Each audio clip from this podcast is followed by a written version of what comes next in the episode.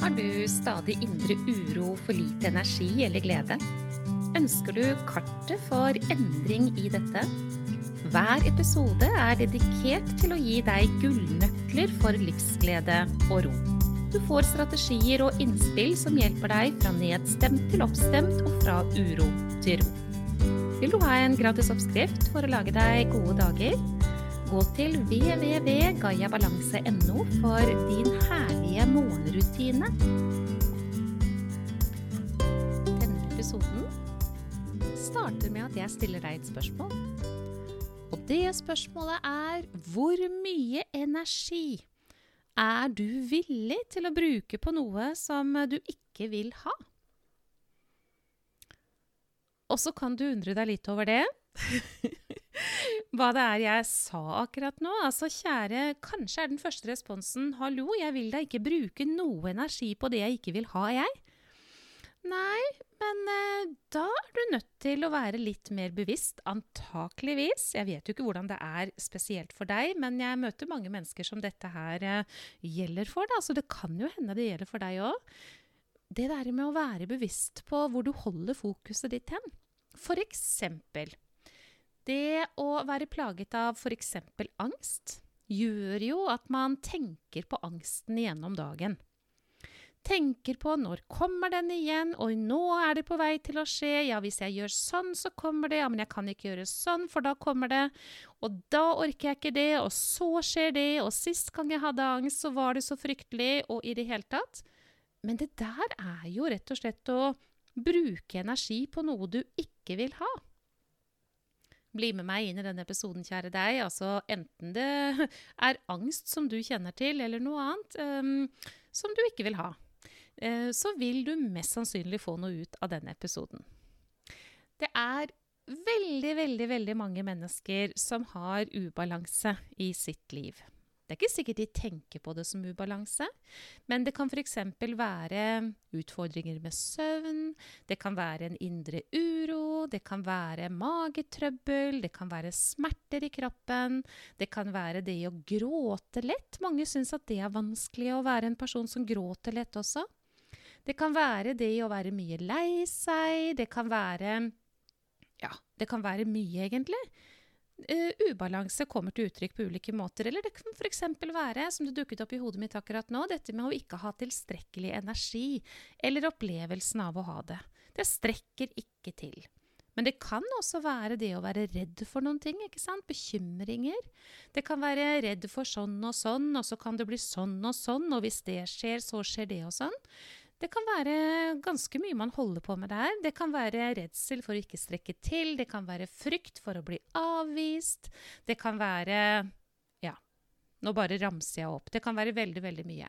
Men det som er fellesnevneren, da, det er at uansett hva det er for slags ubalanse Fordi ubalanse kommer til uttrykk både i kropp og eller sinn, veldig ofte og sinn.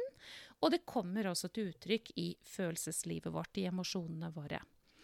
Men det som er fellesnevneren, det er jo det at når vi har noe av dette her, enten det er en klump i magen ikke sant, fordi den frykten har bare satt seg fast, f.eks., eller en nakke som er stadig stiv og vond og trøblete, eller det er det å være nedstemt, f.eks. Fortsett å ramse opp, da, for det er så mange symptomer. Men det jeg vil fram til, er jo Hvis det er sånn så er det akkurat som at sinnet vårt bare vil ha oss i retningen av at det er der vi skal ha oppmerksomheten vår.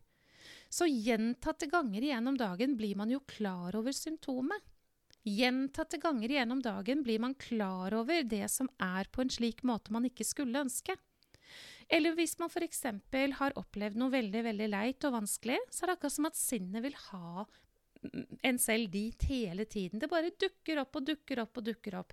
Det blir liksom ikke ferdig på aldri så lang tid. Men eh, det er nå engang sånn, da, kjære deg, at det du holder ditt fokus på, det får du for det første mer av, for sånn er sinnet vårt skrudd sammen. At hvis vi holder fokus på noe, så har vi egentlig fortalt oss selv at vi ønsker å få mer av det. Vi ønsker å holde fokuset vårt der, og da blir vi enda mer opptatt av det. Og det vi er opptatt av, ja, det går energien vår til. Så vi kan altså gå rundt og lekke bruke energi til smerten i ryggen, til angsten, til det å ikke sove godt, til det å være lei seg, til det å ha vondter hist og her, osv., osv. Så, så da spør jeg deg igjen. Hvor mye energi er du villig til å bruke på det du ikke vil ha?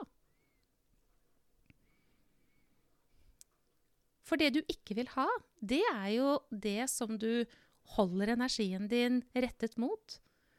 Og hver gang du gjør det, så vil du bli drenert for energi, for du bruker energien din på det du ikke vil ha.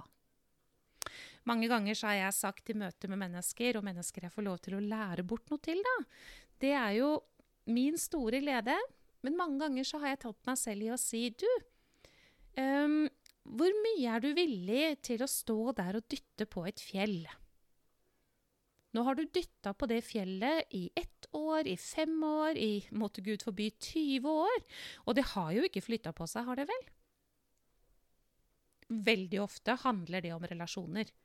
Det handler om et ønske om at den andre skal forandre på seg. Det handler om et ønske om at noe skal bli på en annen måte. Og så har man erfart gang etter gang etter gang etter gang at det faktisk ikke skjer. Men vet du hva? Hvis du holder fokus på det du har i deg som du egentlig ikke vil ha, så bruker du din energi på å få mer oppmerksomhet rettet mot det, og du tømmer energien din ut. Har du lyst til å fortsette med det, eller kunne du tenke deg at det ble annerledes? Den eneste muligheten Altså, jeg vet jo hva du svarer. Du har jo ikke lyst til det her.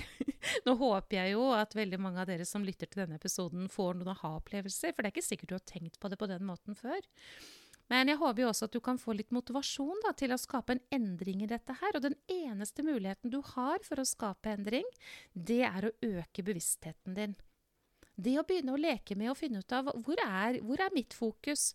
Har jeg nå oppmerksomheten mot denne angsten? Har jeg nå oppmerksomheten mot denne smerten? Har jeg nå oppmerksomheten mot denne klumpen i magen? Har jeg oppmerksomheten mot at jeg er lei meg, istedenfor å ta ansvar for hva det er jeg trenger når jeg er lei meg, f.eks.?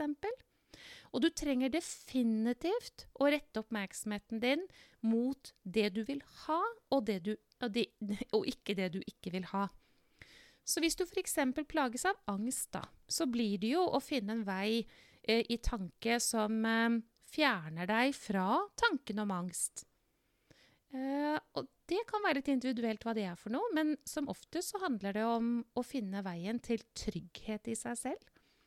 Sannheten om at 'jeg er trygg i meg', uh, vil kunne bidra, men det er ikke nok. Jeg sier ikke at det er nok.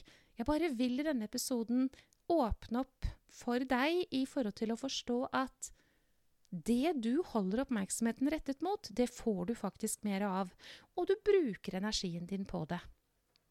Nå dundrer det på i toppetasjen min med ulike eksempler, men den, den, jeg tenker at jeg skal nevne for deg, som kom veldig tydelig, det er dette med hva det er du snakker om.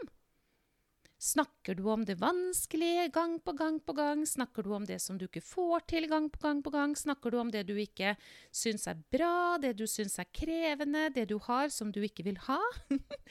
det er et veldig tydelig eksempel på at du er villig til å bruke energien din på det du egentlig ikke vil ha.